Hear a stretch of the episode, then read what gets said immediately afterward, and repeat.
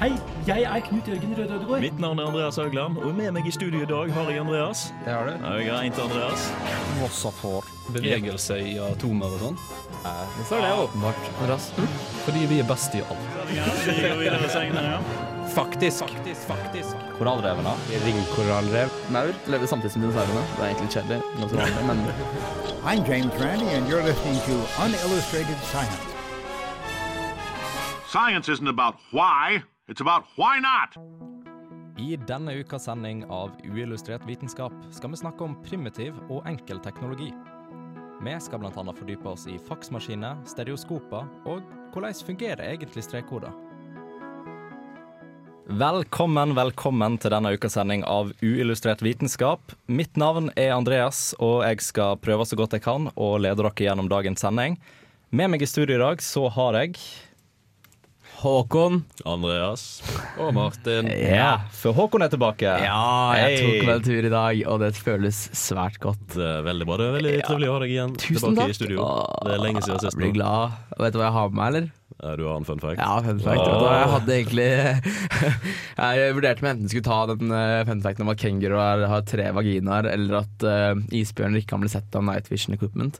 Men jeg endte opp med en helt annen den, og Ja, det var ja. at eh, den er ganske morsom, fordi eh, designeren av Saddam Husseins bunker Aha. er barnebarnet til hun som lagde Hitlers bunker. Oi. Hæ? Wow. Uh, okay. Coincidence? Family business. Traff jeg på rangeringen av de tre fem factsene, eller? Var den best, eller var det Den Jo, ja, kom ganske ja. høyt opp, Ja, altså. den gjorde det. Jeg det Da vil jeg bare si. Eh, Vi skal høre litt mer om Pantelegrafen etter hvert. uh, men først så skal vi høre Hazy Chains of Mountains av Orango. Hi, this is James Grime from Numberphile, and this is Unillustrated Science. Når noen sier faksmaskin eller telefaks, så tenker du sikkert telefaks? Fins de fortsatt? Foreldrene mine hadde jo en sånn da jeg vokste opp. Og det er helt sikkert sant. Men den foreldrene dine hadde, var jo supermoderne. De kunne jo sende ei hel A4-side på bare fire til seks minutter. Nei, vi må nok litt lenger tilbake for å finne skikkelig primitiv teknologi. Da kunne han sende et bilde til noen som er et stykke unna. Det har eksistert lenge før internett var ei greie. Så langt tilbake som 1840-tallet. Alexander Bain var geniet bak den teknologien, som gikk ut på å sende elektriske impulser over en metalltråd som ved hjelp av en annen maskin tegna et bilde på den andre sida. Måten han gjorde dette på, var å synkronisere to pendler opp mot ei klokke som produserte et elektrisk signal, og dette bildet ble gjenskapt av et sylinder på andre sida av tråden.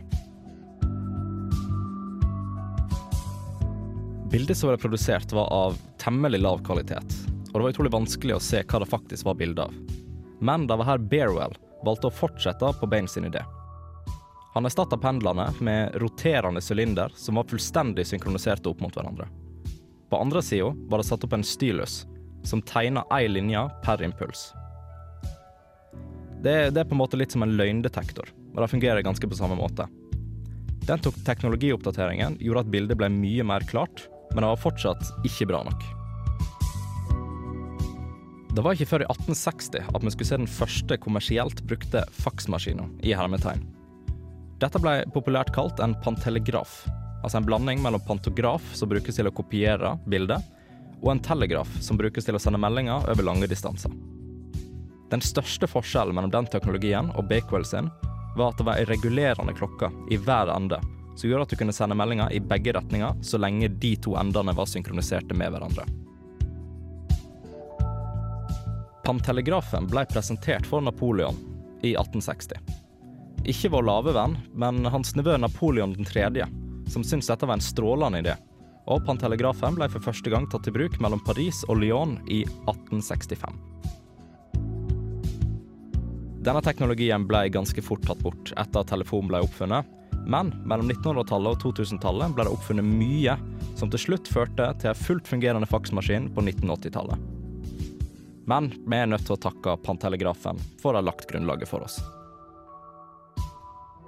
Ja, for det jeg syns egentlig er ganske artig med, med altså de gamle typer faksmaskiner, det er at det er egentlig mye lettere å forklare de som vi bruker i dag, og de som brukte på 80-tallet, enn det er å forklare de eldre. For altså, de, de, de gamle de besto av mye mer altså, intrikate deler, av mye mer direkte elektriske impulser. Det går jo veldig mye over på telegraf. sant? Mens i dag så er det jo bare enkelt nok. Du skanner inn, du encoder det, og så sender du, impuls, eller, sender du signalene da over telefonlinja. Så decoder det, og så skriver de det ut. Ja, riktig. Det, så det, det blir mye lettere, syns jeg, da. Uh, men jeg vet ikke, hadde dere noe særlig erfaringer med faksmaskiner? Jeg husker pappa hadde en eh, faksmaskin på, på kontoret sitt. Uh, jeg husker at det kom liksom ark opp. Jeg skjønte ikke helt eh, greia. Uh, men det er jo fascinerende hvordan det, det var på en måte et, et piece equipment som, var så, som alltid var i alle kontorer. da Ja, det var- det var liksom det var must. Ja. Alle måtte ha det. Ja. Men det var jo de- litt mer moderne kopimaskinene. Sånn kopi, scan, fax og alt mulig in one. Som var sånn husholdningsartikler Ja, ja, ja. på slutten av 90-tallet, tidlig 2000-tall. Og det var jo da ting som folk hadde hjemme i huset sitt, gjerne. Ikke, Ja. at, ikke at faksdelen var det mest brukte i det hele tatt, men uh, ja. Ja, nei, for det som er litt uh, Så jeg syns iallfall er litt sånn som, som alle kjenner oss i, da. Det er jo liksom dette med sånn dial-up, internett oh, ja. og litt sånne Ja. ting. Er du gammel nok til det, Andreas? Vi hadde det faktisk eh, en liten periode, for at jeg tror mamma hun orka ikke å oppdatere seg så veldig. Så vi hadde en gammel Macintosh eh, og dial-up-internett i hvert fall i et år eller to. Herlig. Den herlig. fine lyden eh, der. Åh, Den er, den er magisk. Mamma, ikke ta telefonen, jeg Ja, spiller! ja, fader, ass. Og det er nettopp da vi er innpå her med altså, printere og sånt på 80- og 90-tallet. Hvis du var midt Nei, ikke printere, men faksmaskiner. Ja. Hvis du var midt i liksom en sånn her eh, ja, sending av informasjon, da, og så ja, da var det, var det kanskje en stund, så da var det kanskje i tre-fire minutter på de bedre faksmaskinene. Mm. Så plukker hun opp telefonen der til to minutter, Så begynner på nytt. og begynner på nytt. Ja. Det, er- for at de fungerer jo òg veldig, sånn som jeg forklarte i, um, i saken min, da, var at um, på den stylusen på 1860-tallet så um, bruker de på en måte å tegne det linje for linje. Mm. Og det er jo på helt samme måte som faksmaskiner fungerer. da. Mm. Mm. Dere er printer òg. Men faks brukes, brukes fortsatt den dag i dag, eh, faktisk. I, i um, sånne advokatfirmaer og sånn. Fordi Ja. det en, faks er det eneste som er legally binding dokument. Så når du sender et fysisk dokument, så telles det fortsatt som et, som et legalt dokument og som kan brukes i en sak. Ja. Og det er også mindre sjanse for å intercepte og finne ut hva den innebærer. Mye tryggere, da. ja Er det e-poster, for eksempel. Er ikke det også ganske vanlig i sånn sykehus, Jo, fastlege? Ja. Leger og fastleger og sånn. Mm. Men Vet du da om dette fortsatt blir sendt over telefonlinja, eller om det blir sendt via Nei, det vet jeg faktisk ikke. Jeg, jeg, vil jeg tror det er telefonlinja. Jeg tror det er fax. Jeg tror på en måte det er, et, er ikke det på en måte et Ja. uh, Jeg tror det er over et ja. eh, faksnummer. Et sånt telefon. Ja, Mm. Ja, det er faksnummer. Det er for, kanskje fordi det er mer sikkert, da? Eller? Ja. Ja. Ja. Også i Asia så er de veldig redde eh, generelt for sikkerhet, så de er veldig, vil sende det på faks. da ja, men også i de fleste land i Asia så er jo internett fullstendig ukryptert. Mm, ja, når vi var i Japan, så var det alt sammen ukryptert. Ingen Ja, data nei. var skjult. Det er sykt. Så du måtte, du måtte gjerne kryptere dine egne data for å gå inn på nettbanken, f.eks. Oi. Såpass. Ja. Men vi skal ta og høre Håkon eh, snakke litt mer om stereoskopet etterpå. Men før den tid så skal vi høre 'Utenfor' av Hvitmalt gjerde. I can wire anything directly into anything. I'm the professor. Ja, du hører fortsatt på Uillustrert vitenskap her på Radio Revolt. Og Håkon, stereoskoper, da må, jeg, da må jeg ærlig talt si at da kan jeg ikke så Nei. utrolig mye om. Nei, så nå er jeg litt spent på hva du har å si her. Ja, ja egentlig, men eh, kanskje jeg skulle fått noe endrede tekninger. Har du noe, har du noe lyd i bakgrunnen her? Her, vet du. Oi. Stoppet den? Nei, den gjorde den ikke. Nå kommer den. ja, fordi det er ganske interessant, fordi etter såpass mye snakk nå om VR en tid en dag i dag, så er det litt spennende å gå tilbake til begynnelsen av det hele. da. Fordi selv om eh, det er de siste fem årene vi på en måte har hørt mye om virtual reality, så har det faktisk fått sin eh, Så er det et gammelt begrep, da. Og vi kan dra så, til, så tidlig tilbake til 70-tallet for å få en første sniktitt på dette stereoskopet. Eh, og jeg snakker ikke om 1970-tallet, men faktisk 1870-tallet. Det har seg sånn at Et stereoskopisk verktøy var en ganske tidlig oppfinnelse. Det var en medieteoretiker med navn Jussi Parika. Han eh, nevner i boken sin Mediearkeologi, som det heter på norsk, at det 19. århundret hadde en stor fascinasjon rundt hånden som et primærverktøy. Og det var en mann med navn Charles Wheatstone som var spesielt tiltrukket av dette. I kombinasjon med muligheten for å prosjektere bilder hands on, produserte han, uten å patentere, det første stereoskopet som kunne brukes til å gjengi et tredimensjonalt bilde. Dette stereoskopet besto enkelt av et trestativ for å holde stereokortet, to stykk prismeglass og et trehåndtak med disse prismeglassene inni. Eh, Det fungerer ved at man bruker et stereoskopkamera som tar to bilder samtidig av det samme objektet, men fra to punkter som er atskilt ved øyeavstanden, som er ca. 7 cm. Disse to bildene gjengir da det som høyre og venstre, det høyre og venstre øye ser hver for seg. Eh, disse bildene betraktes det jeg snakket om i stad, et stereoskop, som er konstruert at hvert øye bare ser det ene bildet. Eh, Dette her, nå siterer jeg, dette skjer ved at man setter en linse med brennvidde, og såkalt fokallengde, lik kameralinsen foran hvert øye, og dermed sammensmelter bildene i linsens brennplan. Dette er fysikk og matematikk over mitt nivå, men disse gutta her ved siden av kan sikkert forklare mer etter. Eh, når øynene da innstilles for uendelig fjernt, at liksom øynene skal se langt unna, så vil disse øyeaksene holdes parallelle, og som sagt smeltes bildene sammen til ett bilde som viser samme dybdeperspektiv som objektet. Og, men med dagens ønske da, om å ha høy mobilitet i en virtuell virkelighet hvor du kan bruke sverd og andre ting, er det viktig å ha hendene fri. Derfor er denne, frem, denne utviklingen veldig stor med det headsetet. da, At fremtidens stereoskop, som er virtual reality headset, er handsfree. Eh, likevel kan vi fortsatt se mye av det gamle stereoskopet i de nye brillene vi har i dag. Sånn selve skjelettet i VR-brillene er jo dette stereoskopet. Og lysbeskyttelsesskjermen rundt prismeglassene er fortsatt å se i noen VR-headset. Så ja, det var en kort liten innføring med funky jazz music av Endre i bakgrunnen. Ja. Ja, Endre som skrev musikken òg? Ja. Nei. ja. Ja, for altså, det, det er jo Altså Det er en utrolig kul oppfinnelse. Altså det, det virker jo så utrolig altså hypermoderne, dette her med liksom VR og Ja, det er, ja, ikke sant. Men, Men- så er det en så gammel, eh, primitiv idé da bak det hele. Ja. Og det er interessant å se hvordan eh, et trehåndtak med to glass Det begynte med to enkle linser, og så ble det prismeglass og sånne ting. At dette her kan eh, ja, bli liksom videre til det vi har i dag. Ja. Ideen bak det hele. Vet dere egentlig det jeg snakket om, med brennpunkt og brennplan og sånne ting? Er det noe dere vet om? Det, eh, jeg burde kanskje visst litt mer om det, ettersom jeg driver og tar en del bilder og sånt. Ja, ikke sant? Eh, Ja. Men eh, ja. Ja. Både, Det både og. ligger jo i linse, ja. Ja. Mm. Og fokallengde og konveks og konkav og alle greiene der. Mm. Nei, men det er veldig interessant, og det er liksom som man sier, man, man det, det at man har mange gamle ideer som hører om strekkoden også. Jeg vet ikke om det er noe vi kan trekke tilbake til eh, eldre ting, eh, Martin, men eh, Ja, altså Det det, er litt eldre, ikke så veldig mye eldre. Enn en første bruk, kan man si. har dere prøvd stereoskop før? Dere? Nei, nei, Gamle stereoskop. ikke gamle, kun nei. Oculus. Men husker du kanskje de der små røde brillene du fikk på McDonald's da dere var små? Ja, med sånne bilder som Ja. du De der så liksom, du klikker på en måte på sida, Speaking of, stereoskop. eh, husker Ja. du, holdt jeg på å si. Ja. Husker du, ja? Så det er et uh, stereoskop uh, som sikkert fleste har, uh, har vært borti. Men der inne også er det på en måte sammensmelting av to bilder på nøyaktig samme måte. Helt riktig. Da er det, da er det to Det er, liksom, det er samme bilde, men det er litt endret, litt forskjøvet. på en måte Så hvert øye vil sammensmelte det i denne fokale punktet. Da, som Ja, heter. ja. Mm, så det er veldig, veldig interessant. Det er du skaffe på et sånt Man kan lage stereoskop selv også. Det er bare å lage et håndtak, det. Det kanskje, er kanskje å lage disse stereokortene da som har du legger foran.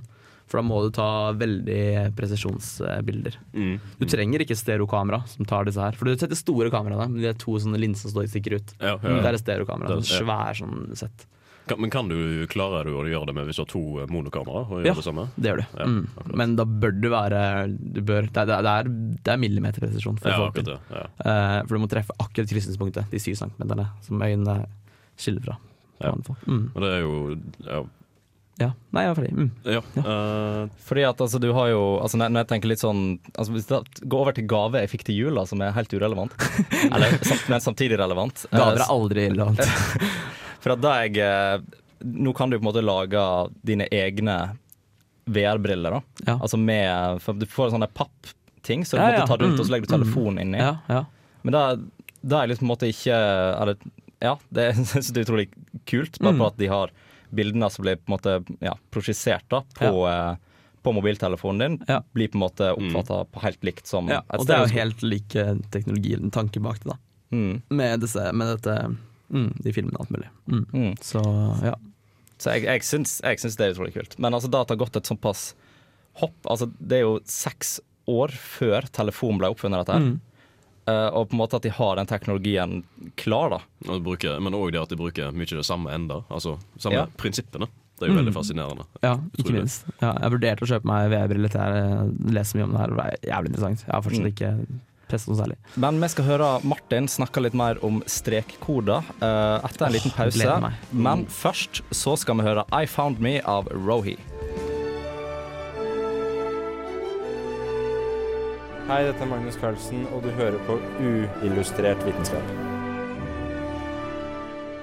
Det enkle er ofte det beste, sa reklamen for en viss trøndersk butikkjede en gang i tiden. Det høres kanskje ut som en unnskyldning maskert som et inspirerende ordtak, men det er en viss sannhet i det, som de demonstrerer hver dag man drar dit for å kjøpe juice på tilbud. Jeg snakker selvfølgelig om strekkoden. UPC, eller Universal Product Code, et universelt system for å identifisere varer fra en database. Vi mennesker klarer kanskje lett å kjenne igjen en boks med tomatbønner, men en datamaskin trenger ofte litt hjelp. Derfor bruker vi strekkoder i dagens digitale verden. Vi mennesker bruker litt tid på å lese en strekkode, men en strekkodeskanner gjør dette på brøkdelen av et sekund. Og den kan samtidig sjekke pris og lagerstatus. Dette gjør at salg går fort og greit, samtidig som man får et innblikk i hva som selger bra og hva som selger dårlig, sånn at man kan fylle lageret deretter. I tillegg kan Posten sortere og sende pakker raskere, og innsjekking blir lettere på flyplasser. Det finnes flere varianter av UPC, slik som EAN eller European Article Number, som vi er godt kjent med. Det de har til felles, er at de består av en kombinasjon av svarte streker og hvite mellomrom. Hvert siffer har en bredde på syv og består av to svarte streker og to hvite mellomrom av forskjellig bredde. Kombinasjonen av breddene er unikt for hvert siffer. Et ganske elegant system, spør du meg. Så neste gang strekkodeskanneren streiker, så kan du sjekke om du klarer å sjekke pris og lagerstatus før de klarer å fikse skanneren.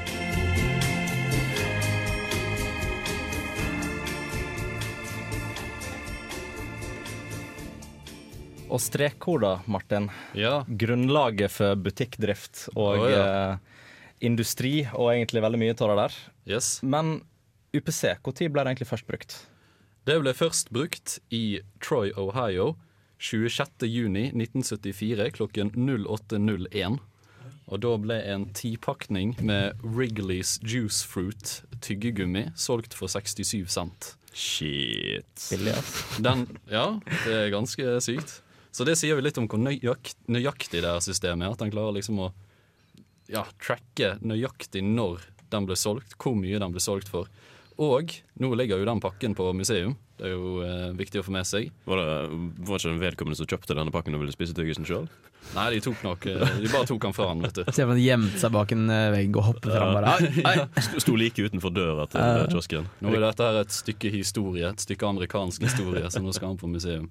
Så den finner du på Smithsonian Institutions National Mm. Museum of American History i Washington DC. Ryktene går om at han fortsatt sitter utenfor museet og vil ha tyggegummi. Ja, betalte jo 67 cent for den. Altså På dagens, Inflasjon. ja, sånn, dagens inflasjon så er dette verdt et par dollar. ja, kanskje.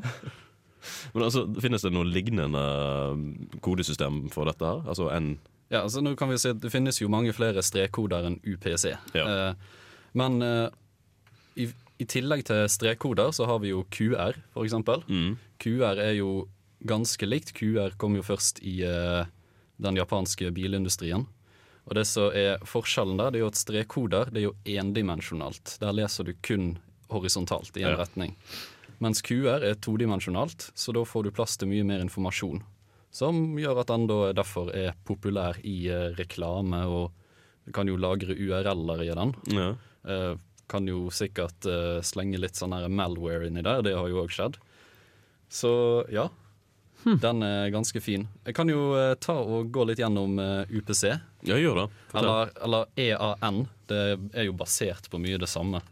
EAN er jo det vi bruker i eh, Europa. Den bruker 13 sifre istedenfor 14, som er vanlig i USA og Canada. Og eh, det som det som er med sånne strekkoder, det er at det er bredden på de hvite og de svarte tegnene. Det er det som lager hvert siffer. Så de består av fire forskjellige eh, bredder av eh, svart og hvitt. Ja. Så hvis du ser for deg at eh, en, eh, strek er svart og har en bredde på tre, så er neste strek to, eller hvit og har bredde på to. Og så har du en svart igjen med bredde én, og så har du en hvit igjen med bredde én. Så får du 3, 2, 1, 1. Det tilsvarer sifferet null.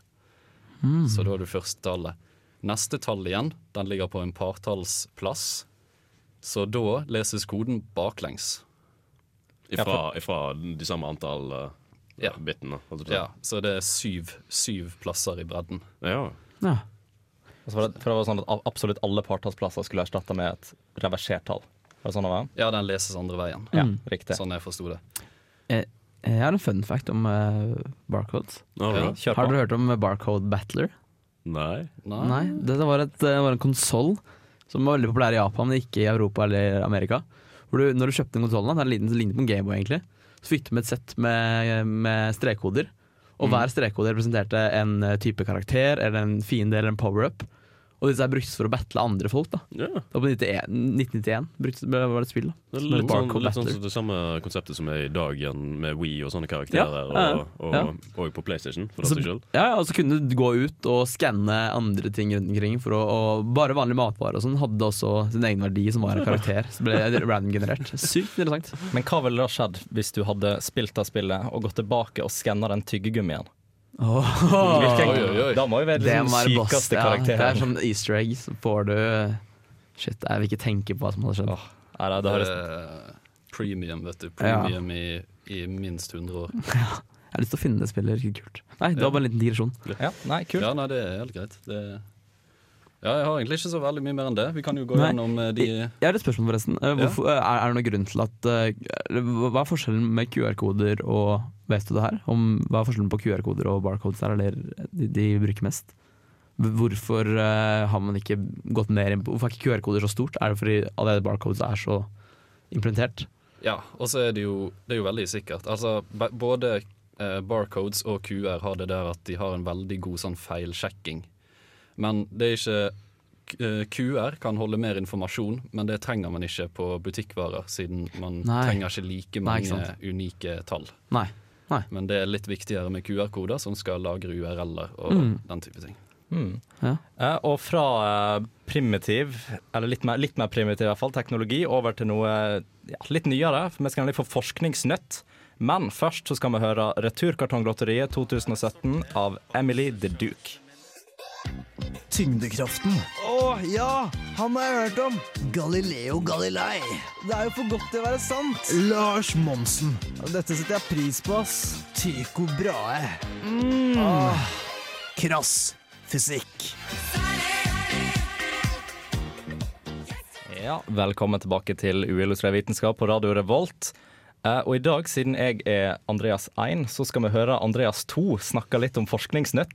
Så det er sånn hierarkiet fungerer? Oi, Det er sånn- det er sånn det det? fungerer i dag. Er det, det her det høres ut som en kupp allerede. Det er siste gang du får lov å være programleder. Nei, uh, Forskningsnytt, vi begynner jo da med det som jeg kanskje anser som å være høydepunktet for det siste. Og det er en ny verdensrekord i antall oppskutte satellitter i ett romoppdrag. Oh, ja. hey. Og det er nemlig India som har satt denne rekorden med hva var det, 104 rakett, nei, satellitter i en rakett. Og de fleste, utenom tre, var fra andre land enn India. Eh, Den forrige rekorden var da satt av Russland i 2014, og de hadde så mange som 37 satellitter med seg.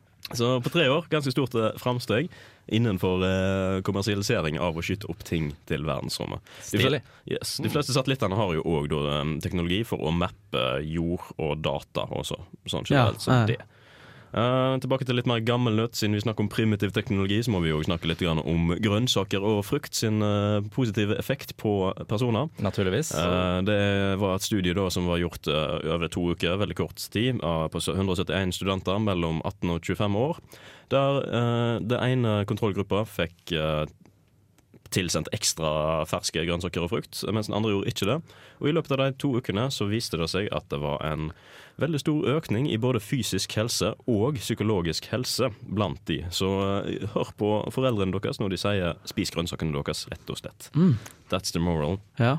Uh, og så har vi da en nyhet innenfor eh, det å kunne utvikle en singularitet innenfor eh, data og AI.